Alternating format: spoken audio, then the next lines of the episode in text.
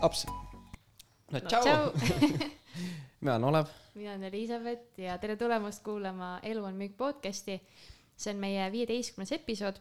meie podcasti idee on siis rääkida sellest, et äh, müük ümbritseb meid igal pool ja müük ei ole mingi pähemäärimine. just, ja meie viieteistkümnenda saate külaliseks on Mari-Li Vihman. Kes on Marili? Marili on pärit Sangastest, tema esimene töökoht oli karjas, nii et ta on maalt ja hobusega ja ta tegelikult esimene müügikogemus oli siis Tamme Tõru mehikese müük ukselt uksele väga, väga äge töökoht. ta on äh, praegu Startup Day peakorraldaja äh, üle siis äh, kahe aasta. mis on Startup Day? Startup Day on Eesti üks ägedaim eh, sihuke ettevõtlusfestival põhimõtteliselt, mis siis toimub juba viiendat aastat eh, Tartus nüüd. sellel aastal siis ERMis Jaa. jälle. ja ta on äh, Startup Day tiimis tegelikult olnud üle viie aasta. Mariliga mina kohtusin Tartu Ülikooli turundusklubis, ta on lõpetanud baka Tartu Ülikooli majandusteaduskonna ja hetkel on magistriõppes. ja ta on hingelt ürituskorraldaja. Ja tegelikult tänases episoodis me rääkisime Mariliga millest? päris, päris paljudest erinevatest asjadest, aga sihuke läbiv suur teema oli e- sihuke festivalide, ürituste korraldamine, kogu kõik sellega, mis eh, sinna juurde kuulub. et kuidas üldse head üritust korraldada, kuidas, kuidas seda kõike nagu üles seada, kuidas eh, partnereid leida, kuidas partneritega suhelda, kuidas eh, isegi noh, näiteks isegi sellest rääkisime, kuidas siis nagu edukalt pileteid müüa, kuidas, kuidas seda hästi teha. nagu väga-väga palju erinevaid teemasid, nagu väga vinge episood oli selles suhtes ja, ja võib-olla kõige rohkem jääb siit kõnetama ka siis nii-öelda kliendikeskne lähenemine üldse inimestele, kuidas seda müüki siis niimoodi teha. ja, ja kuidas ka suurt tiimi juhtida. nii et jah, tal on üle kahesaja inimese, keda ta jätkuvalt praegu igapäevaselt äh, juhib, et üliäge, ma loodan, et teile see episood meeldib äh,. ja kui meeldib, siis kindlasti jaga seda ka mõne oma tuttavaga ja omalt poolt soovime teile head kuulamist. Follow ge meid siis Instagramis, Facebookis ja, ja kuulake meid. Spotify's ja Apple podcast'is ja SoundCloud'is. ilusat kuulamist.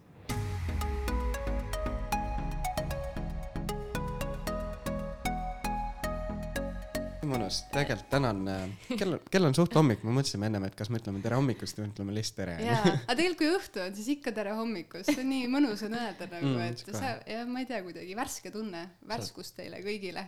päeva, ma ei tea. nii, nii Manna. et me oleme ülitänulikud, et sa tulid ja leidsid selle aja, et oma kiire schedule'iga kümme nädalat enne startup day'd on ju. ja ma ei tea, äkki alustakski sellest, et äh, kes sa oled? kes sa oled ja mis sa teed? mida ma teen siin, ega, ega tõesti, ma ei oleks elus nagu oodanud seda, et ma saad, satun kuidagi müügi podcast'i, et see on nagu, ei ole minu speciality, aga, aga mina olen Marili eh, Vihman, ma olen eh, Startup Day peakorraldaja juba üle kahe aasta, aga Startup Day tegemistega seotud siis jah, juba siis, kui me alustasime kaks tuhat kuusteist, kui meil oli esimene üritus. ehk siis ma alustasin vabatahtlikuna ja kuna mind nii huvitas ürituskorraldus ja ma tahtsin teada, kuidas see käib ja ja mis seal tehakse ja kuidas me Tartus ikkagi saaksime väga suuri ja ägedaid asju teha, nii et siis siin ma olengi lõpuks siis jõudsin jah Startup Day peakorraldajaks ja kes ei tea, siis Startup Day on üks Baltikumi suurimaid ärifestivale, mida me korraldame siin Tartus. eelmine aasta oli meil neli tuhat nelisada inimest üritusel eh, ja see aasta siis eh, koroona tõttu to- toimub see augusti lõpus, muidu me oleme alati niisugune talvine üritus jaanuari, jaanuari lõpus toimunud. nii vinge, et äh, ma ise mul on olen ka nagu nii mitu palju küsimusi kohe lihtsalt nagu ma nagu no.. ei, ma mõtlen, kas me nagu võtame nagu rahulikumalt nagu algusest peale, et veits sinu nagu tausta või, või lendame kohe täiega peale või? ma ei tea, lenda peale, mis siin ikka. ei, ma mõtlesin korra, mõtlesin lihtsalt korra nagu kohe seda, et vaata, et kui sa ütlesid kaks tuhat kuusteist, et läks nagu vabatahtlikuna, et kuidas see ku,, kuidas see nagu idee üldse sündis või kuidas see nagu startup day kontsept tuli mm -hmm. ja nagu how, how did it happen nii-öelda? jaa, see on üks äh, hea lugu, nimelt Startup Day idee äh, sündis saunas, ehk siis äh, kahjuks olid need mehed vist kõik, kes saunalaval istusid, aga sealhulgas siis Tartu Ülikooli äh, turundusõppejõud Andres Kuusik on ju, kes ütles, et, et äh, kurat, et miks me teeme siin Tartus äh, väikseid asju, et paneme need ühe katuse alla ja teeme midagi suurt ja mõjukat, mis tõesti siis paneks Tartu nii-öelda maailmakaardile ja näitaks, et kui äge äh, startup linn meil on. Ja see, no kogu see mõte ongi see, et Tartu on sõnas startup, et see on nii eriline ja seda brändi me kasutame siis igal pool ära, et Tartu on sõna startup. Ja siis oligi kaheksa organisatsiooni vist, kes siis ühildasid oma jõu ja siiamaani on meil siis kaheksa kaaskorraldajat, noh, sealhulgas Tartu linn, Tartu Ülikool, Tartu Teaduspark, Loomekas, Ärinõuandla ja nii edasi, ehk siis me kõik koos nii-öelda, koos nende organisatsioonidega siis korraldame seda üritust. aga jah, saunas sai idee ja, ja keegi tegelikult ei oleks uskunud, et see üritus eh, nii suureks kasvab, et see ambitsioon oli, et noh, et teeme esimene aasta mingi viiesaja inimese üritust, aga kuna potentsiaali oli nii palju, siis juba enim-, esimene aasta oli kaks tuhat pluss või kolm tuhat inimest, et see oli, oli, oli ikka väga suur sihuke edu juba esimesel aastal, jah okei okay., mis sa esimene aasta tegid seal üldse? Eh, mina olin vabatahtlike juht, ehk siis Ahah. meil oli mingi sada vabatahtlikke, keda pidi haldama ja lisaks siis ma olin ka programmitiimis, ehk siis me tõime juba esimene aasta väga ägedaid rahvusvahelisi esinejaid siia Tartusse, millest keegi midagi ei tea ja mis on nagu kolkalinn kuskil noh, kõigi siukeste superstaaride jaoks jah, et kus see on, et see ei olegi Tallinn ja see ei ole pealinn, et kuhu ma siin Eestis tulen, onju, ja siis me ikkagi seletame, et see on ikka Tartu, see on maagiline linn, te ei kujuta ette, mis siin toimub lihtsalt vaata ja nii sa veenadki inimesed ära, et sul, meil ei ole kunagi olnud raha, et maksta suuri nii-öelda esinemistasusid esinejatele, et me alati suudame nad kuidagi ära veenda, et siin Tartus on nii-nii äge, et lihtsalt peate siia tulema. aga samas nüüd on veits parem ka vaata, et kui augustis teete, muidu jaanuaris siis nagu on siuke suht kurb, aga praegu on nagu väga, väga nunnu väl- väljas tegelikult. ja muideks mõned esinejad on meile öelnud küll, et mina talvel ei tule, et kui teete suvel, siis ma tulen, et ma Aa, siia okei. Eestisse küll talvel ei kavatsegi tulla, nii et unustage ära. mis need äh, nii-öelda põhilised siis nii-öelda müügiargumendid on olnud esinejate, esinejatele, mis on nagu ära võlunud siis neid Tartu puhul? Äh, ma ei tea, kui me, al- kuidagi alati kirjutame seda siukse tunde ja emotsiooni pealt, et kui need inimesed, kes kutsuvad eh, nii-öelda väga eh, häid esinejaid siia Eestisse ja kui nad ise usuvad sellesse tegemisse ja ärifestivali nii palju, siis sa suudad selle kuidagi uskumu, uskumuse ja emotsiooni panna sinna kirja ja tõesti lihtsalt täiesti nagu noh, et lisaks, mis me pakume, ongi see, et eh, sa tuled siia Tartusse küll ärifestivalile, aga lisaks me korraldame sulle mingi Lõuna-Eesti tuuri ja sa saad tõesti sellest nagu eh, kultuurist ka osa, et me teeme sulle eriüritusi ja me viime su kokku nende inimestega, et kes sind võivad huvitada, et me tõesti mm -hmm. mõtleme nagu laiemalt, et üks asi on see ärifestival, kus sa saad esineda tuhandetele inimestele, aga teiseks, et me pakume sulle veel seda tervet ökosüsteemi ja kultuuri juurde, et, et kui sa tuled siia, siis tõesti sul on nagu elamus nii-öelda siin Tartus olla. nii äge, see, ma mäletan kaks tuhat kuusteist, kui me tegime selle, mis see oli, esinejate mingi networking Jah. sealsamas seal, kus see praegu teil see office on, onju. jah, jah, jah. Mis praegu ikka samamoodi korraldate neid siukseid nii-öelda, see oli mingi, kuidas see nimi oligi? VIP reception, jah. vist VIP Mhm. reception jah. ja, ja ikka, meil on VIP reception'i, reception'id, meil on äh, siis investorpäev eraldi, siis meil on startup night, mis on meie kõige suurem networking pidu ja hästi äge ongi see minu meelest, et ürituskorraldajana me Tartus avame kõiki uusi asukohti, kus saab vähegi üritust teha, sest startup day on esiteks nii suur, on ju, et ainuke koht tegelikult, kus me saame teha nii suurt üritust, kui on neli tuhat pluss inimest, ongi Tartu Ülikooli spordihoone, on ju, aga lisaks siis peod on meil ka mingi kahe tuhande inimesega ja siis näiteks eelmine aasta me olimegi vast avatud Delta maja parklas on ju, et me tegime nice. esimese Tartu parklapeo on ju, ja see see on vist nagu see TalTechi vaata need parklapeod aga onju. Tartus kunagi ei olnud siukest asja jaa, olnud ja siis see, kuidas sa ülikooli hoonetes korraldad üritust, kus on nii palju tingimusi sulle mm, -hmm. et see oli hoopis nagu uus kogemus, aga üks kõige ägedamaid pidusid, mis me oleme teinud ja kõik äh, külastajad ikka veel meenutavad, et kurat, teil oli see äge networking pidu, et kas tuleb jälle. et selles mõttes on hästi äge, et me kuidagi nihutame neid piire ja testime Tartut, et kus teha ja kuidas teha ja mis peab vastu meie rahvamassile ja mis ei pea, et selles mõttes on nagu hästi-hästi äge siin asju teha, jah aga mis äh, sellel aastal siis ka plaanis see parklapidu või? Eh, sellel aastal ja me kolisime ERM-i mm., sest esimene aasta toimus ERM-is ja nüüd eh, viienda juubeli puhul me lähme tagasi ja tegelikult eh, nii-öelda ERM on ka natukene väiksem ja me saame õue minna, sest me teeme suvel onju, ja noh, need piirangud on ikkagi peal, et me siiamaani ei tea, palju inimesi me tegelikult saame nüüd augusti lõpus Startup Day'le sisse lasta. loodame, et umbes kolm tuhat, aga see aasta tuleb Startup Night meil Lodjakojas, Lodjakoja just avati jällegi. See on ka mega, mega ilus koht seal ja, praegu kus, nagu. ja see on veel koht, kus me nüüd ei ole pidu teinud, et me läheme kohe sinna teeme seal ära. aga, aga talve, noh ja lihtsalt suvel ongi mõnus väljas olla, on ju, et kui enne äkki talv, siis äkki me saame jälle Deltasse Tartu Ülikooli hoonetesse tagasi minna, mine sa tea jah, mis saab mm minge. see on nagu, noh, ma mõtlen seda, et nagu juba mingi klassiõhtut on raske korraldada.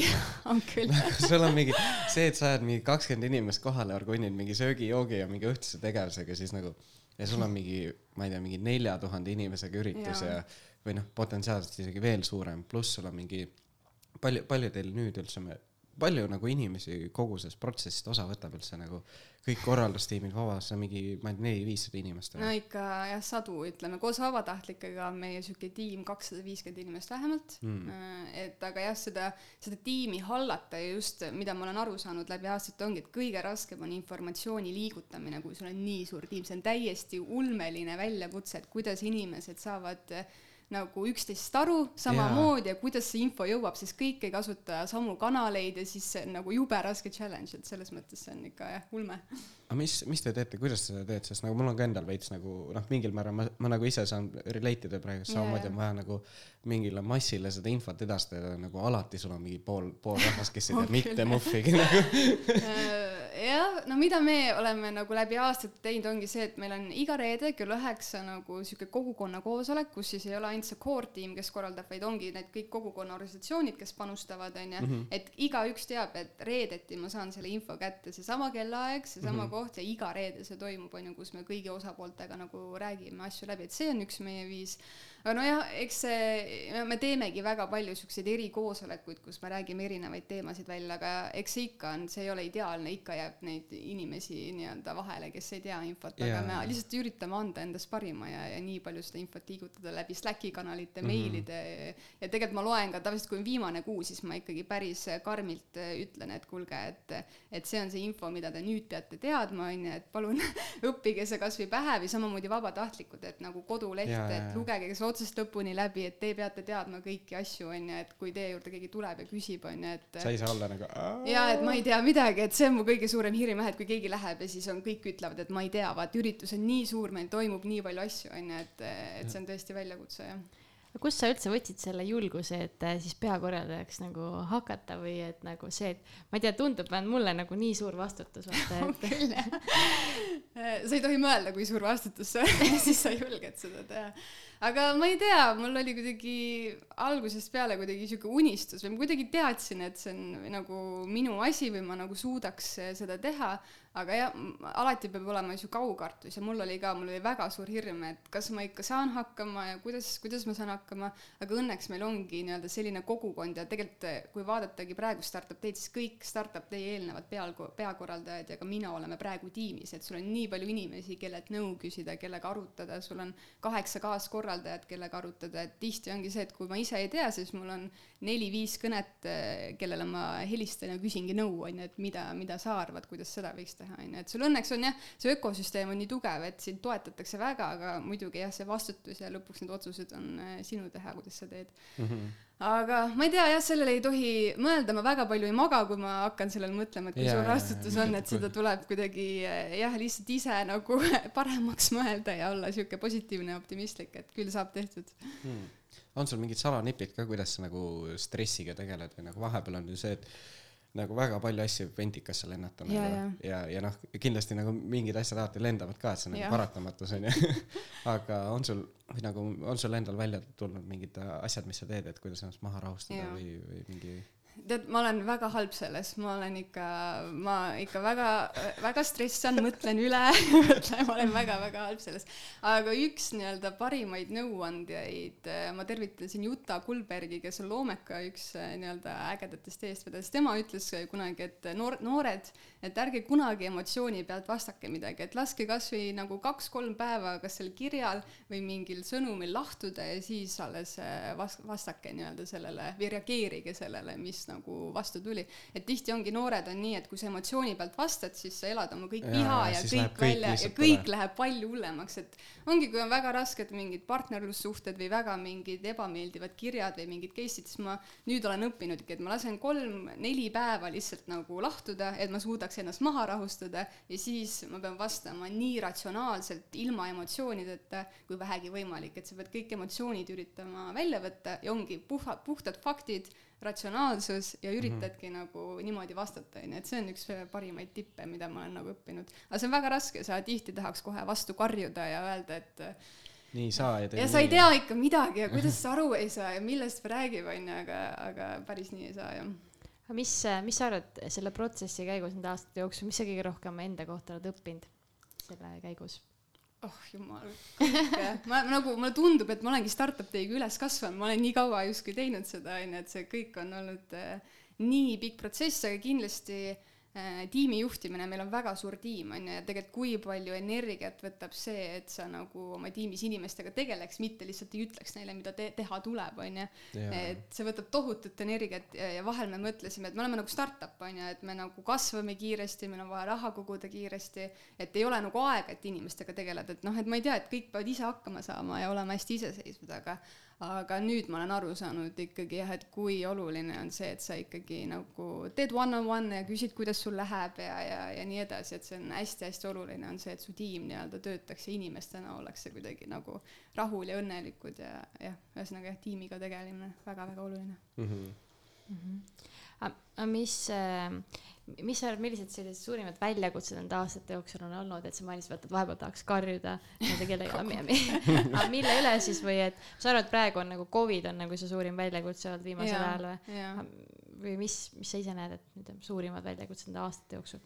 Eh, ma arvan, et suurim väljakutse on olnudki nii-öelda tegelikult raha kaasamine, sest mina kui peakorraldaja vastutan selle eest, et me oma terve eelarve nii-öelda saaksime täis, et see üritus saaks üldse toimuda ja siis just see areng ja kõige suurem õpikogemus ongi olnud nii-öelda partneritega suhtluses, raha kaasamises, kuidas neile läheneda, mida neile öelda, onju. et see on minu meelest, see on kõige raskem osa, sest see on hästi nagu inimsuhetel minu meelest põhinev. ja siis nagu Jaa. keegi noh kunagi ei ole nagu raha üle ka vaata Ei ole.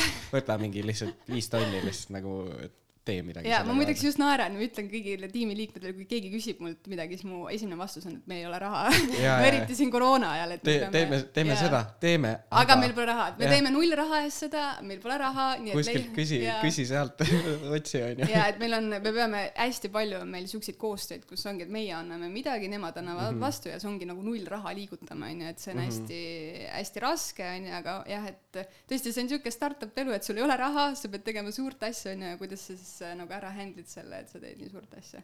et nagu raske on, võiks raha palju rohkem olla äh, no see teeks nagu kohe nii palju lihtsamaks sa saaks mingi äh, noh kasvõi seda lihtsalt nagu manual tööd või nagu seda oleks nii palju vähemaks jaa, vaata jaa.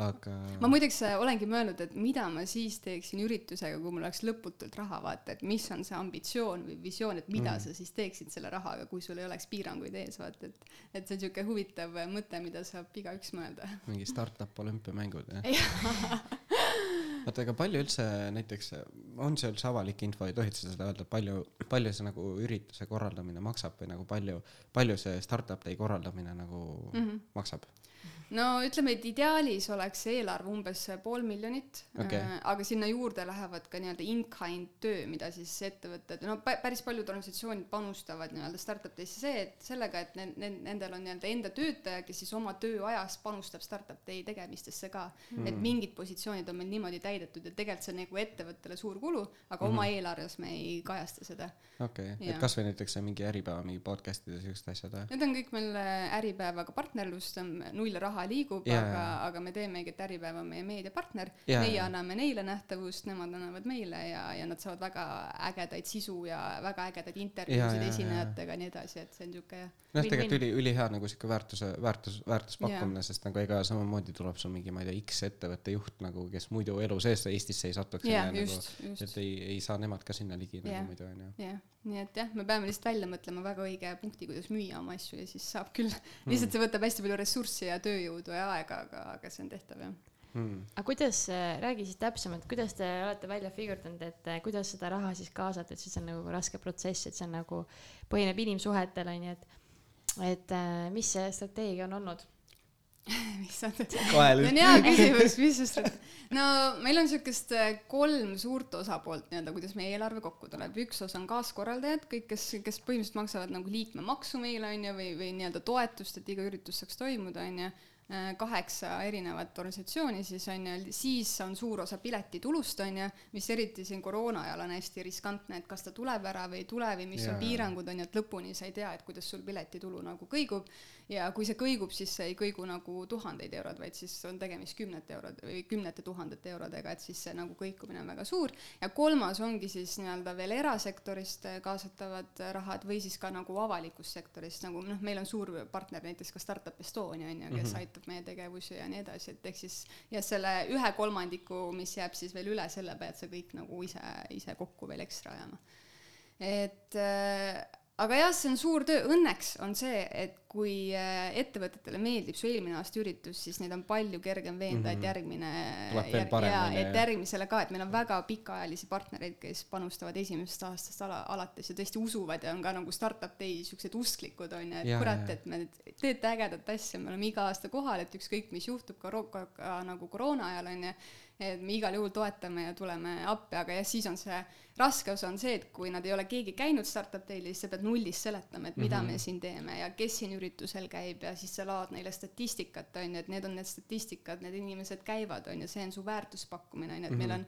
Erinevad väärtuspakkumised erineva summaga on ju ja tihti on see, et mida ma olengi õppinud läbi aastate, on see, et sa tihti räägid partneriga ja sa hakkad tunnetama ise sisemiselt ära, mis on nende nagu finantsiline piir või panus on ju ja siis sa ja, nagu jaa. mängid sellega, et mida sa pakud neile mm, Mhm. -hmm. mida sa alla võtad või pakud juurde, et see on hästi sihuke tunnetamise ja, ja inimsuhete ja just miks ma mainisin seda inimsuhteid ongi see, et sa pead väga hästi inimestega läbi saama, on ju. et Mhm. mul on ka väga raskeid partnereid, kellega ongi väga raske, aga ma arvan, et see lõpuks taandub kõik sellele, et millised inimesed isik, isiksused sul vastas on, on ju, millesse nad usuvad, kuidas nad millestki aru saab, et hästi hästi palju on jah inimsuhteid mängu, mängus siin äh, rahade kaasamisel ka. jaa, see on kusjuures mega huvitav, vaata kui me Katrin ja, ja Liisa-Mariaga rääkisime, siis et samamoodi, et nagu et, et ongi see, et lõpuks nagu ettevõtete taga on ikkagi ka inimesed, vaata ja siis nagu, et just nagu see ongi nii, nii sihuke nagu suur asi, et et noh, võib-olla ongi vaata, sa ise ka nagu saad sellest juba paremini aru, et nagu mingil määral kaob ära see nagu hirm nende ettevõtetega nagu suhtlemisel üldse, et sa Jaa. võtadki neid nagu inimesena, onju. et, et aga noh, see on, see on nagu sihuke huvitav, et kuidas kuidas sellest nagu noh, kuidas seda hästi teha, kuidas sellest hirmust üle saada ja nagu ja see on ka mega huvitav, et sa ütlesid, et sa nagu põhimõtteliselt tunnetad juba ära, mis, Jah. kuhu, kuhu sa nagu, kuhu sa sihtida tahad selle inimesega või nagu ja ettevõttega. see on- ongi, see on puhas kogemus nagu mm. -hmm. ma e- esimestel aastatel absoluutselt ei tunnetanud seda, aga nüüd jah, nagu tuleb see ära ja tegelikult, mis on äge, ongi see, et äh, ma ei jõua tegelikult äh, otsida ise väga palju uusi partnereid, vaid väga paljud tunnevad, kuna startup tee on nii suureks kasvanud, siis nad tunnevad ise meie nagu vastu ja Jaa. just jah, et selles mõttes see teeb nagu kergemaks elu, Jaa, et ei jaa. ole, et sul on null huvi ja sa müüd midagi, vaid kõik saavad aru, et startup day on nagu väga hea väärtus on ju, bränding, seal on startup'id, väga head müügikanalid on ju, et nad ise tahavad tulla. aga siis ongi lihtsalt see, et kuidas sa kõik sinna ära mahutad, mis stiilide eest on ju ja, ja nii edasi, et see on sihuke suur, suur mäng kõik Mhm. aga kas teil eh, algusaastal oli mingisugune siis nii, noh, praegu sa ütlesid, võtad inimesed tahavad ise tulla ka, aga oli alguses mingi skript näiteks mingi, et, et davai, et mis on need nii-öelda siis nii-öelda selling point'id, mida te siis nii-öelda noh, pakute, onju. Või, või praegu, kas nagu on selleks üldse vajadust või tuleb lihtsalt täiega loomulikult? Eh, ei ikka, meil on nagu põhjad ees, et iga väärtuspakkumine on nagu detailideni välja kirjutatud, et Aa. mida sa saad näiteks viie, viie tuhande euro eest endale, et need on need nagu väärtused, on ju, aga siis sa hakkad nagu eh, neid, noh, tavaliselt ongi see, et ma igale ettevõttele ütlen ka, et ma ei taha sulle lihtsalt pakkumist teha, vaid ma tahan sinuga rääkida, et mis on su eesmärk üritusel, on ju, et mida sa tahad sealt nagu kätte saada, et kas see on bränding, kas sa tahad müüa oma toodet või teenust, tahad sa värvata, on ju, ja siis, kui ta nagu ütleb mulle ära, et mis on ta põhi nii-öelda eesmärgid, siis ma nii-öelda teen custom made pakkumisi, ehk siis ma teen sedasama pakkumise ümber tema vaatenurgast lähtuvalt, et ta saaks siis seda eesmärki nagu täita. et see on mm. minu jaoks hästi oluline jah, et ma saaksin teada, et mis on nende eesmärk, sest kui ma seda ei tea, siis ma ei saa ka nagu sihukest väga head pakkumist teha, vaid see ongi sihuke külm pakkumine pigem siis mm. see on nagu mega huvitav nagu, sest et see on nagu, see on nagu kuidagi nagu nii huvitav üldse selle nagu laiemalt müügiteema puhul, et nagu justkui sa tegelikult nagu otseselt konkreetselt ei tegele nagu müügiga onju või Jah. noh et see et nagu aa ma teen teen üritust vaata et nagu Jah. see see nagu ei noh see ei ole nagu see traditsiooniline müügitöö et ma nüüd müün sulle midagi vaata aga samas nagu nii huvitav kuidas sa nagu nii detailselt nagu tood need mingid erinevad nagu nii-öelda müügiprotsessi etapid välja et nagu täpselt et et okei okay, mul on vaja enne kui ma talle midagi pakun onju ma tahan teada saada mida tal vaja on onju siis vastavalt sellele modifitseerin oma pakkumist onju kõik see inim- inimliku suhte loomine et nagu see on Jaa. see on nagu nii huvitav aga see on tõesti huvitav, mina ei ole ka kunagi mõelnud, et mu õlut müüks midagi jaa. vaata, et no ta ongi partner, et, et tal on väärtus ja mul on väärtus, see on nagu win-win on ju situatsioon, aga kuidas me nüüd saame nagu jah, selle nagu toimima või käima on ju, et jah, ma ka nagu ei, otseselt ei mõtle sellest jah, kui müügiprotsessist selles mm. -hmm. mõttes jah, et see tuleb hästi kuidagi naturaalselt. Aga müük ongi tegelikult ju siis see, see olukord, kus mõlemad osapooled võidavad. jah, just on ju, et peakski võitma jaa et ma ütlen ka, tihti ma ütlengi mingitele partneritele, et mulle lihtsalt tundubki, et nagu te ei võida sellest ja me ei võida sellest, et Mhm. isegi kui nad on nõus lõpuks mulle mingit raha palju maksma, aga ikkagi tunnen, et see nagu või see ettevõttega ei sobi meie profiiliga, et meil on väga Jaa, paljud jaa. mingeid ettevõtteid, kes tahavad nagu startup'i üritusele sisse saada, aga kas nad ei ole nagu, võib-olla tuleb see eetilisus mängu, et kas me ikkagi tahame neid või, või noh, Jaa, siuksed jaa. mingid on mingid siuksed ettevõtted, et siis sa ütled ka ise lõpuks ära, et, et no see on arusaadav ka, et nagu mingi a la mingi traditsiooniline mingi noh, ma ei tea, mis iganes, mingi mets või mitte metsa, näiteks mingi ongi mingi metall, metallitöökoda nagu, et mitte, mitte mul midagi mingi metallitöökoda vastu oleks, aga nagu ongi see, mis nagu absoluutselt ei lähe Jaa, selle pildiga kokku, et jaa, siis, siis on jaa arusaadav. just. mis Aga-, aga mis siuksed raskemad äh, müügid olnud on või raskemad, kellega nagu kõige, kõige raskem neid äh, diile paika on saada? ma ei saa ühtegi nime nimetada. aga siis ana-, Ai, anonüümsed no suurettevõtted siis näiteks. Või no mingi äge story näiteks, et eh, nagu kaudse nii-öelda siis, et oligi mingi kohtumine ja siis. Äh, ei, tihti jah, pigem ongi siukest, ma, ma ütlengi, et ma olen näinud ka sellist olukorda, kus on nagu ettevõttega väga raske ja kui inimene muutub seal samal positsioonil, siis on hoopis teine lugu nagu, kõik sujub mm. ja kõik on nagu imeline, et sellepärast ma ütlen, et see on hästi nagu inimestes ja isiksustes kinni mm. tihti nagu mm. -hmm. et aga no ma ei tea, meil on ikka olnud selliseid partnereid, kellega me vaidleme kuid ja kuid nagu väärtuspakkumise üle, hinna üle on ju, et nad ei ole nõus, me ei ole nõus alla tulema, sest me noh, teame seda väärtust ja lihtsalt ongi see lõpuks see, miks, mis teeb selle raskeks, ongi see nagu inimsuhted, et mina mm. nagu tunnen ennast halvasti ja, emotsionaalselt tema on ju umbes, ei et jah, et ma tunnen, et võib-olla ta kuidagi solvas mind, siis ma olen mingi paar päeva vihane on ju, et mis asja on ju ja võib-olla tema tunneb end, mina olen midagi valesti öelnud või see ongi kuidagi ja tihti muideks, mis on hästi huvitav, on see, et sa näed seda kirjakeeles ära nagu, et eh, vahel on ka nii, et sa kõnes on kõik hästi, kõik on nagu õnnelikud ja siis ta kirjutab, võib-olla tihti on ka see, et siis ta läheb oma ülemuse juurde, juurde mm, -hmm. ülemus ütleb mingit hoopis teist ja siis ta kirjutab sulle siukse kirja, kus sa saad nagu tunnetad välja sa juba saad aru, et midagi on pekkis veits ja, ja tihti, mis ma just äh, täna või noh, sel nädalal ka nägin, ongi see, et kui me hakkame rahast rääkima lõpuks onju, ma teen mingi pakkumise, siis ongi, et muidu on tavaliselt kasutatakse, et hei onju, siis on tere Marili, vaata. Et jaa. alati läheb see tereks siis, kui lähevad tõsisemad jaa, asjad jaa, nagu. aga see on nii naljakas, sa näed otse seda ära, vaata nagu, et äh, see suhtumine kuidagi muutub, kui sa hakkad rääkima nagu rahast ja mingitest sellistest asjadest, et see on nagu hästi naljakas ja ma nagu nii märkan neid asju ja siis ma ise ikkagi üritan nagu olla väga positiivne, kirjutan ikka hei vastu Jaa, vaata, et come on, et see ei ole üldse nii hull onju, et me räägime küll rahast onju, aga et, et ei pea tõsiseks muutuma onju, et me ikkagi üritame siin mõlemale poole seda väärtust nagu tuua. aga ju siis mõned pooled ikkagi arvavad, et äh, me oleme kuidagi ebaausad, et nende väärtus on nii suur, mida nad vastu pakuvad meile näiteks, et me peaks palju Jaa. odavamalt neile midagi pakkuma onju, et siis tekivadki need lahkhelid nagu. siis sa nagu panedki, võtad selle pressure'i maha nagu siis selles mõttes, et, et see on täiesti okei okay,, et see pakkumine jumala hea või, või kui nagu sa kõnetadki otse ja ausalt siis seda jah. jah, ma lihtsalt nagu noh, tihti ongi see, et paljud tahavad meiega nagu tasuta koostööd onju, et ma olen startup, et ma pakun teile vastu meie turunduskanaleid, meil on nii ägedad turunduskanaleid onju, siis me nagu hindame neid, tegelikult see mingi click rate, mida me vaatame, ei ole üldse nii suur onju, ja siis ütled, et nagu väga tore onju, aga et me tasuta ei saa neid koostöid teha, et meil on nii palju partnereid onju ja nii edasi onju, siis sa pakud neile ikkagi väga headel tingimustel tihti mingi nagu rahalise summa vastu, et et see on see summa omalt poolt startup day'ga me anname siukseid siukseid asju onju, aga ongi tihti nagu ettevõtted on nagu enda pakutavast väärtusest nagu hästi kinni. no ikka, ikka ja, nagu ennast kuidagi hindad üle või nagu arvad, et ei, mul on, mul on ikka kõvem ja et värk. kuidas sa mulle tasuta nagu ei anna seda meil on nii head kanalid, aga, aga jah, me tihti ei saa seda teha lihtsalt. Aga kusjuures teisest küljest nagu on sul, vaata, noh, sa ütlesid ka, et see startup teie nagu enda idee tuli sellest, et, et olid mehed saunas nii-öelda onju.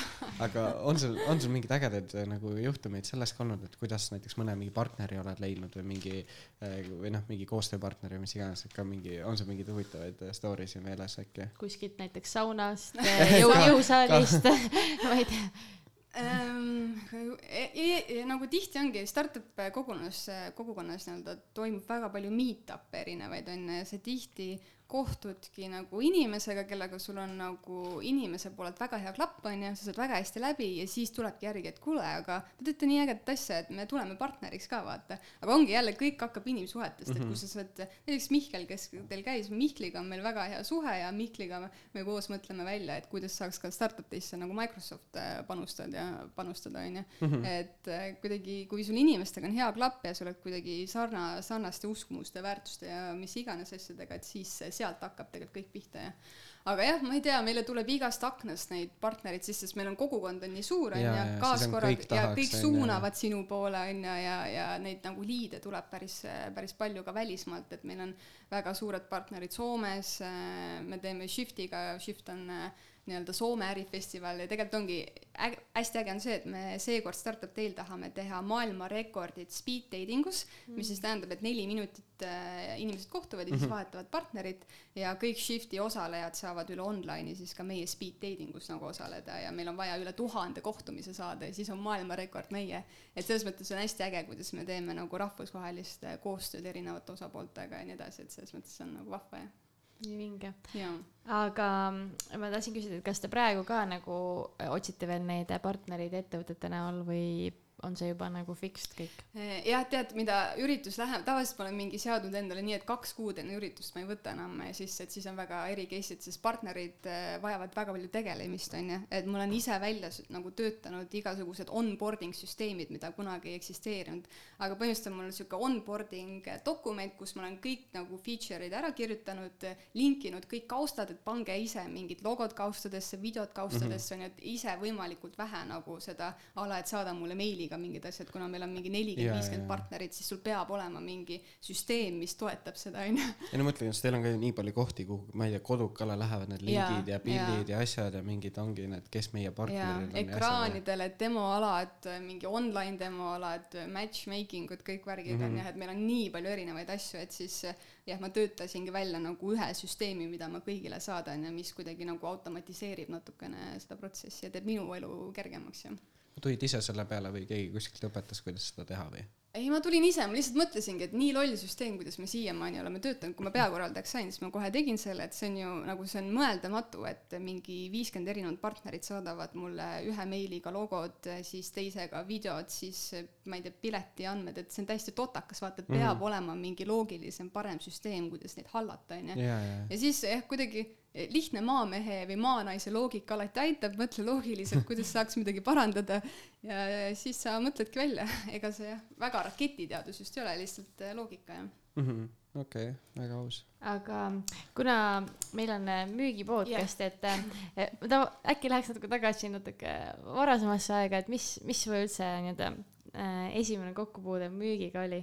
et tahtsin küsida algusega nüüd ja mina olen äh, pärit Sangaste alevikust, tervitused kõigile mu väikestele Sangaste sõpradele, kellega me lapsepõlves seal hullu panime, aga. ma küsin väga lolli küsimuse, kus Nii. see Sangaste on? Sangaste on Otepää vallas, äh, Sangaste lossi võib-olla tead, seal põhimõtteliselt okay. lossi lähedal on Sangaste alevik ah,. Okay, Valgamaal yeah.. aga jah, seal meil kasvas üks suur siis nii-öelda tammepuu äh, ja siis ma mäletan, ma ei mäleta, me olime ikka väga noored, aga mul on nagu mingid seigad meeles sellest, et me mõtlesime, et meil on vaja jäätiseraha kuidagi kokku saada, aga noh, raha ei olnud sellel ajal onju.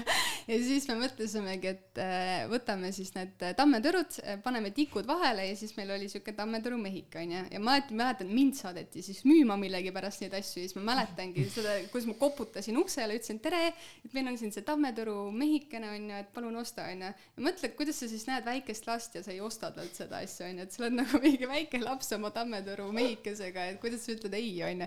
ja siis kõik ostsid ja siis me mõtlesime, et oh kurat, et kui see üks Tammetoru mees müüb, et teeme terve pere, et siis me saame ju rohkem raha küsida, onju. siis ma mäletangi, et läksime järgmise juurde, et aga meil on nüüd pere, onju, et üks kroon, palun osta, onju. ja kõik ostsid, vaata, ja siis me olimegi, ja, siis ma mäletangi, et lõpuks meil oli jätsi raha koos, onju, ja läksimegi kõik siis sõpradega poodi otsima jäätist, et äh, sihuke ja meil oli ka ärimudeli arendus, onju, et ühest mehest paljud, eks, hinnad tõusid ja, ja kõik värki, onju, et see oli sihuke, ja esimene mälestus, mis mul siukest müügist on. ja ongi, kuidas, kuidas mul oli julgus või la, väik-, väikestel lastel vist ei ole seda nagu hirmutaju, vaata, et lähed koputadki uksele ja. jumala savi, vaata.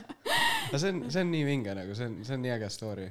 ma mõtlen tegelikult nagu kuidagi, ma ei, ma ei tea, sest nagu tänapäeval nagu kuidagi lapsed on nagu har-, haramad või ma ei tea, tundub veits või kuidagi nagu või noh, ma ei tea, ongi see, kõik on nagu nii siukses nagu kasvavad oma mullis üles yeah,, vaata yeah., nagu ei ole sellist suhtlust, et ma arvan, noh, kui sa isegi ütled, et nagu noh, pigem ka ikkagi väiksem koht, vaata, siis ongi see, et mingi hommikust õhtuni väljas, sa mingi lastega yeah, möllad ringi ja nagu äkki ongi see loovust on lihtsalt vähemaks jäänud mm -hmm., sest sul on ka nutiseadmed ja kuidagi tegevusi on, vaata, aga siis, kui sul on midagi teha, siis sa pidid hakkama loovaks, et ise endale tegevust tekitada, onju, et jah, praegu on tõesti see, et midagi teha ei ole, siis nad laks Tiktoki ette.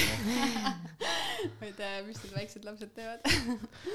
Aga on sul, kuidas sinu nii-öelda karjäär üldse on nagu arenenud, et mis sa, mis sa veel üldse teinud oled, et me Mariliga tegelikult kohtusime turundusklubis ja siis ma mäletan, kui ma sind esimest korda nägin, see oli kaks tuhat kuusteist sügisel äkki või?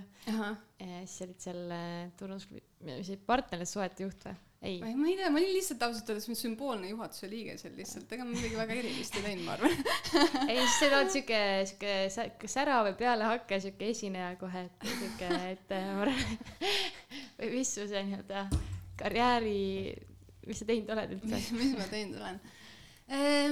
Jah, turundusklubis, kui me kunagi tegime asju, siis seal ma kohtasingi Laurit, kes oli siis Startup Day esimene peakorraldaja ja kuna me turundusklubis olime pidusid koos korraldanud, väga ägedaid pidusid saime korraldada siis ta kutsuski mind Startup Day tiimi, aga jah, seal ma olin mingi kolm-neli aastat nii-öelda vabatahtlikuna tegin asju, et lisaks sellele ma tegelikult siis esimene niisugune suurem töökoht oli see, kui ma läksin äh, tööle Coopi, äh, Veespa just avati ja siis sinna nagu turunduse peale, siis ma sain ikkagi aru, et kurat, see nagu lihtlabane turundus ei ole minu teema.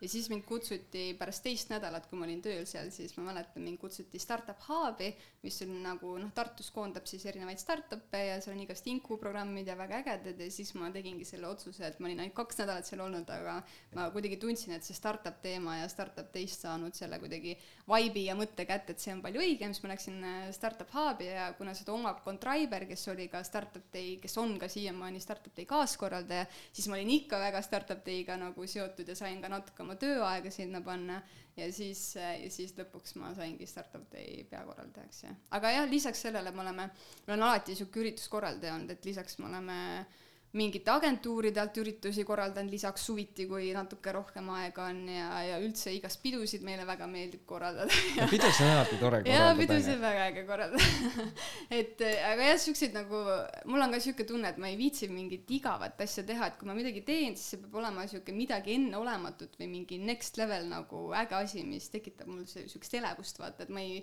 ma ei viitsi mingeid tavalisi seminare kellelegi korraldada, vaid see peabki olema väga suure mõtte või mingi siukse niisuguse väärtusega asi, on ju, et miks sa seda teed.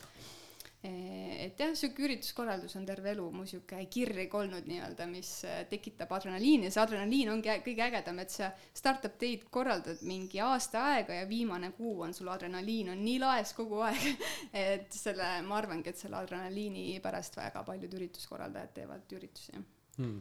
Ma tahtsingi just küsida, et mis sind kõige rohkem motiveerib selle üritusturunduse poole sa ka vastasid selle ära, et adrenaliin, aga mis mm -hmm. on midagi veel näiteks, mis sind nagu motiveerib või seda tegema? no kui me räägime startup teist, siis ongi need inimesed peamiselt, need on nii, nii äge kogukond, nii äge ettevõtluskogukond ja minu meelest Tartu on parim linn, kus sellist asja teha, sest eh, ma ei ole näinud teist linna, kus nii-öelda, ma ei tea, linnapea ja abilinnapead on nii toetavad ja lasevad sul kleepida linnasiltidele S ja P juurde, isegi kui liikluskorraldajad helistavad sulle, et kuulge, et seda ei Mis või toimub, teha. ja siis sa ütled, et kuulge äh,, abilinnapea Raimond ütles, me võisime teha seda.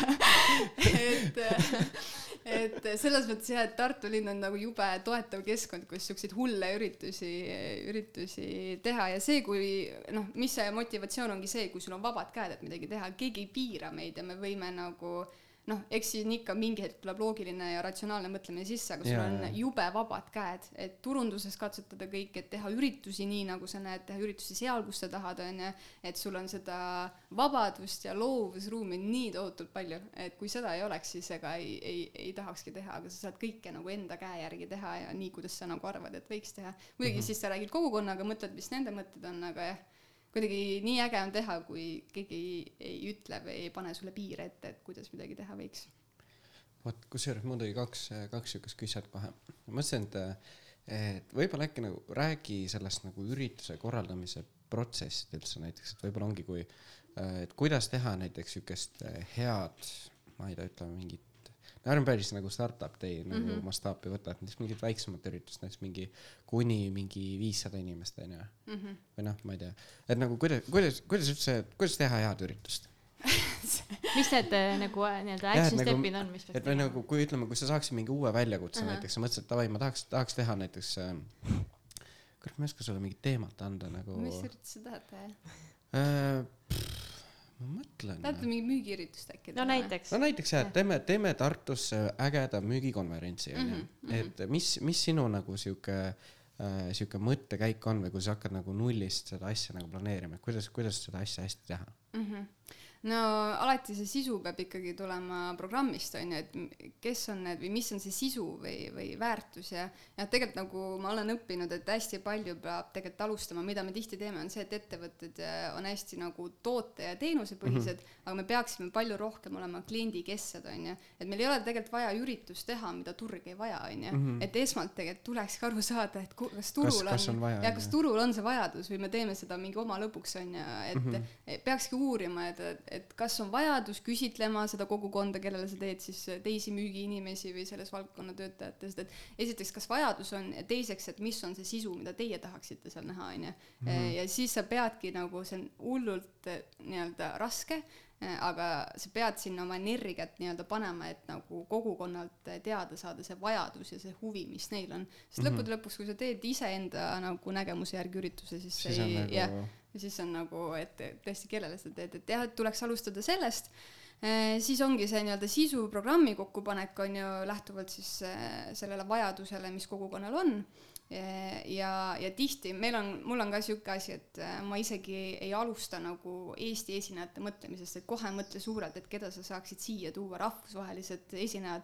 ja me alati Startup Day puhul on ka, et me alustame Elon Muskist on ju mm, -hmm. väga kõrge ambitsioon ja hakkame allapoole liikuma, et, et sa ei tohi nagu mõelda, et ah, et ma ei tea, et kas see vend ikka tahab siia Eestisse tulla või ta on ikka liiga kuulus, et ma ei hakka üritamagi, mhm. onju, et see kuidagi see julgus ja see ambitsioon, et, et me teeme ägedat asja ja siia võivad tulla väga suured ja ägedad esinejad, et see ambitsioon peaks kohe nagu algusest peale olema ja siis sa kutsud neid ägedaid esinejaid Spotify'st, igalt poolt oleme siia Tartusse saanud ja siis, mis on minu jaoks on hästi oluline, on see, et ma mõtlen nagu läbi selle kliendi teekonna või sihuke UX või mis on see kogemus, mida ta sealt ürituselt peaks saama ja mis on see nagu kuidagi meelsus, millega ta, ta sealt ära läheb, et kuidagi selle kogemuse disainimine on minu jaoks hästi oluline.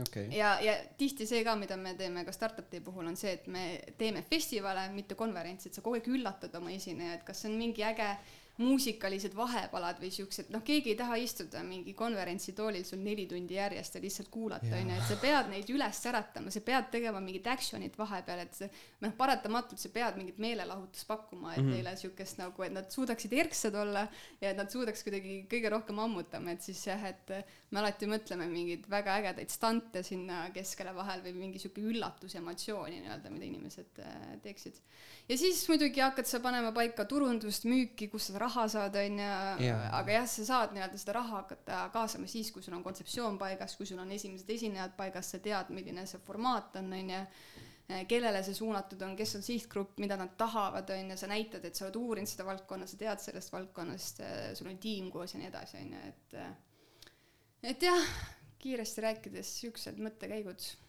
okei okay,, väga asjalik see on siuke vana hea see Simon, Simon Sineki see Start with why onju. ja, ja ma olen lugenud aga, ja siis teine pool, mis ma tahtsin küsida, on see, et ma olen ise nagu tähele pannud äh, paari siukest nagu minu arust mega siukest vinget nagu turunduslikku slaš müügi nagu nii-öelda just see pile-, piletimüügi osas, mis te teinud olete, näiteks Jah. yeah. ongi mingid need äh, et just nagu see, kuidas te olete nagu üritanud neid erinevaid nagu sihtgruppe ka kätte saada, mingi kooliõpilastele näiteks, et a la sul on mingi kuskil tudengid. kooli või see või jah, tudengides on mingi kuskil koolimajades asjades mingid piletid ära peidetud onju, et et äh, davai, et siin on mingi kakskümmend piletit onju mm, -hmm. need, kes üles leiavad need mingi noh, ongi ta saab tasuta pilet onju Jah. et see on nagu tegelikult mega, mega vinge idee, kuidas just see nagu info nagu kohe tudengite seas levib nagu yeah. kulutuli, et oh kuule tead, vaata seal on mingi startup tõi pilet, vaata et nagu et, et ei ole nagu siuke traditsiooniline, et davai, et paneme mingi sada, sada euri Facebooki ad'i alla ja yeah. nagu let's go, aga noh, eks seda peab ka tegema onju aga, aga mõtlengi, ma tahtsingi seda küsida, et nagu mis, mis siukseid nagu ägedaid äh, turunduslikke müügi, müügiasju te teinud olete selleks, et nagu pileteid üldse müüa edukalt mm? Mhm. Ehm, jaa, muideks noh, tudengid ei ole tegelikult meie esmane sihtgrupp, aga No me jah, alati jah. tahame, noh, me oleme Tartu, Tartu linn ja tudengid on tohutult, kes kõik tahavad, ehk siis me, me põhimõtteliselt enda poolt tahame lihtsalt toetada tudengite ettevõtlikkust nagu mingil määral ja, ja sellepärast me teeme igast ägedaid hante neile.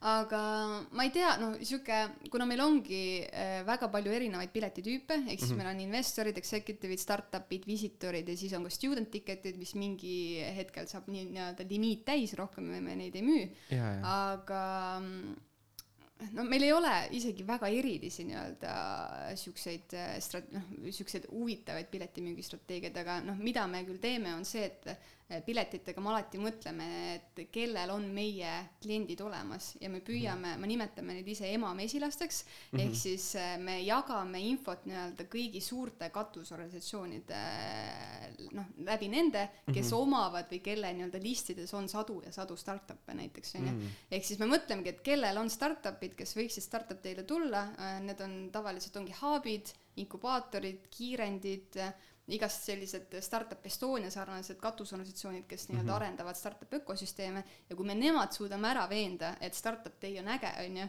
ja startup day'le peaks kohale tulema ja kui nemad nii-öelda saadavad selle info siis oma listidesse välja, siis see on meile kõik kasulik, kasulikum nii-öelda müügitee mm, -hmm. sest eh, nad usaldavad seda infot, mis tuleb neilt, onju, ja me saame kätte korraga sadu ja sadu startup'e versus see, et me kirjutame mingi startup'ile otse, otse, et kuule, tule startup teele, onju. et jah, me lihtsalt kasutame nagu seda müügistrateegiat iga põhimõtteliselt sihtgrupi puhul, et kuidas me saame need emamesilased kätte, keda panna siis enda, enda nii-öelda heaks tööle põhimõtteliselt mm.. ma ei tea, miks ma neid emamesilasteks nüüd, neil on nagu ema, kellel on väga palju Jaa, lapsi, vaata.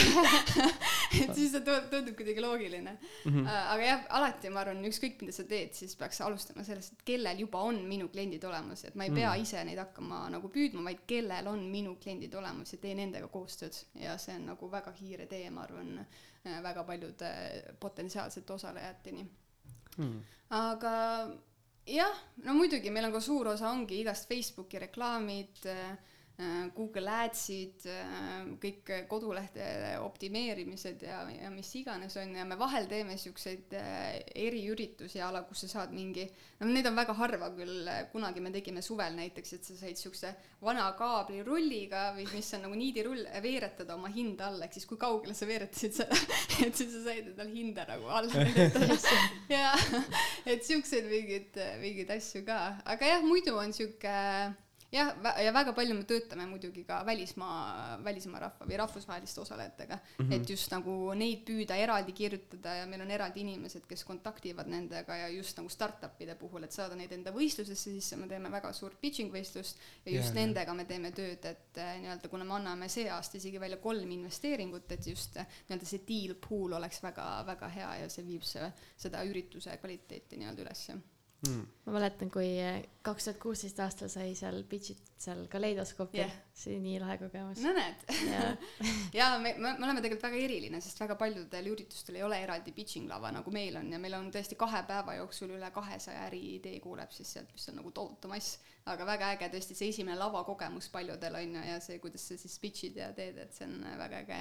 See oli nii hirmus algus see on jah hirmus nagu. aga see äh,, ma tahtsin küsida veel seda, et äh, kuhu suunas te siis praegu selle startup day'ga nagu liigute või sa rääkisid siin ennem nii-öelda saateväliselt, et Mhm. jaga siis siia ka. jah, no esiteks noh, startup day seisukohalt me oleme aru saanud, et neli tuhat on niisugune hea arv meie poolt, et noh, pigem see nagu ambitsioon ei ole enam suuremaks kasvada, mida me läbi aastate oleme teinud, vaid eh, järjest rohkem, veelgi rohkem seda kvaliteeti hakata siis kasvatama, et, et need osalejad oleks tõesti õiged, kes saavad sellest üritusest nii-öelda maksimumväärtust kätte ja, ja, ja tõesti meil oleks niisugune sihtgruppide rikkus ja tõesti see ettevõtlusmeelsus, mida me seal teeme.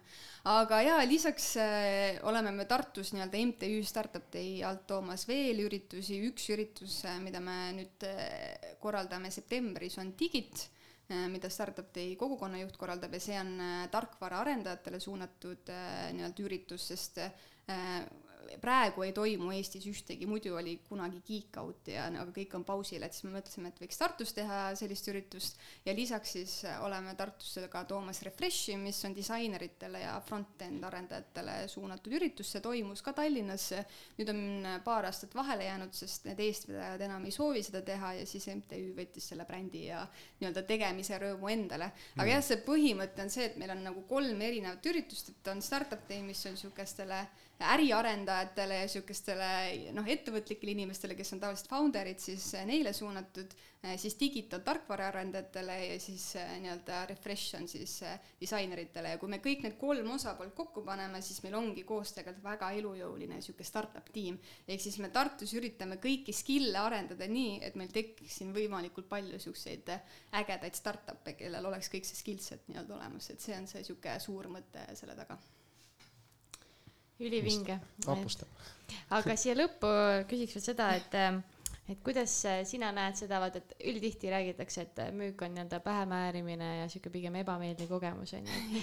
et meie nagu näeme hoopis seda, et, et tegelikult müük ümbritseb meid igal pool onju, et alateadvus me tihtipeale müüme, et kuidas sina näed seda, et, et elu on müük? Elu on müük. Kuna meil on podcast'i nimi on Elu on müük. Äh, ma arvan, et äh, see on kõik see, kuidas sa lähened inimesele, vaata, et me tihti nagu, kui me mõtleme siuksele agressiivsele müügile, siis me kujutamegi ette, et keegi nagu helistab mulle ja sunnib mulle midagi peale seda. aga mm -hmm. noh, kui me räägimegi sellest win-win situatsioonist, et ka tema tahab tegelikult seda saada ja see on ka temale väärtuslik ja kui sa suudad selle nagu talle ära rääkida, et kuule, et see sulle ka hea onju, et mhm. siis see müük võiks ju väga hästi toimuda, et aga lihtsalt jah, eestlased on nii tagasihoidlikud ja meil on niisugune kultuuriline see, et me ei taha, et keegi räägiks meiega, me ei taha, et keegi tuleks meie juurde ja hakkaks midagi rääkima, onju, et neil peab endal see huvi kuidagi olema olemas, et siis sa saad väga head müüki teha, onju. et äh, aga jah, raske on eestlastel see, aga jah, ma ei tea, minul, minul ongi sihuke win-win ja, ja kui noh, mina pakun midagi head ja nemad pakuvad vastu head, siis läheb nagu kergesti. ei ole, ei ole nagu mingit hullu siukest surumise tunnet? ei, ei, mul ei ole surumistunnet jah, et nagu palun ja anna mulle raha. ei tohikski olla, vot see on ka nii oluline nagu. jah, jah, et ma tõesti nagu ei ei no vahel on küll, kui on suurpartnerid, suured korpod, kellest, kellelt on väga suur potentsiaal midagi nagu kätte saada, on ju, mhm. sul on raha vaja ikkagi, siis sa teed ikkagi ette-taha kõikvõimalikku ära, et sa ikkagi raha kätte saada, lihtsalt sest sul on vaja nagu seda üritust teha kuidagi mm, -hmm. et siis sa lähed mingi, teed selle ekstra miili nii-öelda, et see nagu ikkagi kätte saada ja pingutad nagu maksimaalselt enda poolt, on ju, aga aga jah, lõppkokkuvõttes ikkagi nad peavad ise ka väga hästi aru saama sellest väärtusest, mida sa neile vastu pakud, jah mm. -hmm Cool. ja me alati tavaliselt äh, siia nii-öelda lõppu küsima seda, et Olevil on kol kolm kuldkala küsimust. No.. jaa, äh, see on ju sihuke hü hüpoteetiline olukord, et, et äh, kui sa nagu saaksid teada, et, äh, et ütleme noh no sihuke veits kehva olukord on onju aga et sa saad, saad, saad teada, et ütleme, et nagu täna on nagu viimane päev onju oh. Ja siis, ja siis sa saad nagu endast maha jätta nagu kolm, kolm siukest nagu mõtet või soovitust, mida siis nagu mingid järgnevad põlved või teised inimesed saaksid sinu kohta kuulda. või aga ära nüüd liiga hullult üle genereerima hakka, et lihtsalt, et, et, et mõtle nagu, mis sul siuksed nagu kolm esimest mõtet tulevad, et, et mida, mida nagu järgida või mida sa soovitaksid teistele inimestele nagu,, kuidas, ma ei tea, elu elada või kuidas mingeid asju teha. kuidas elu elada mm? -hmm issand, see on küll raske küsimus, aga esiteks ma arvan, soovitaks, et ärge mõelge üle või see nagu, ma ei tea, ülemõtle, mina teen hästi palju ülemõtlemist, see on jube tüütu ja jube nagu kasutu tegevus, et ma ei tea, nagu ära mõtle üle ja, ja tihti mul on ka see suhtumine, et ole optimistlik või suhtu positiivselt ellu mm -hmm. nagu. et see, kui me oleme negatiivsed ja väga pessimistlikud, siis see nagu ei vii meid väga kuskile, et pigem oleme positiivsed siis ma soovitaks äh, mida ma soovitaks, magada hästi, ma ei tea, kas seda saab soovitust järgida, mõned inimesed magavad hästi, mõned see on maga. mega oluline tegelikult nii, nii. Uni on väga oluline. inimesed magavad nii vähe. ja mina ei maga üldse hästi, nii et ma soovitaks teistele, et magage hästi siis jõuate ka rohkem, rohkem teha.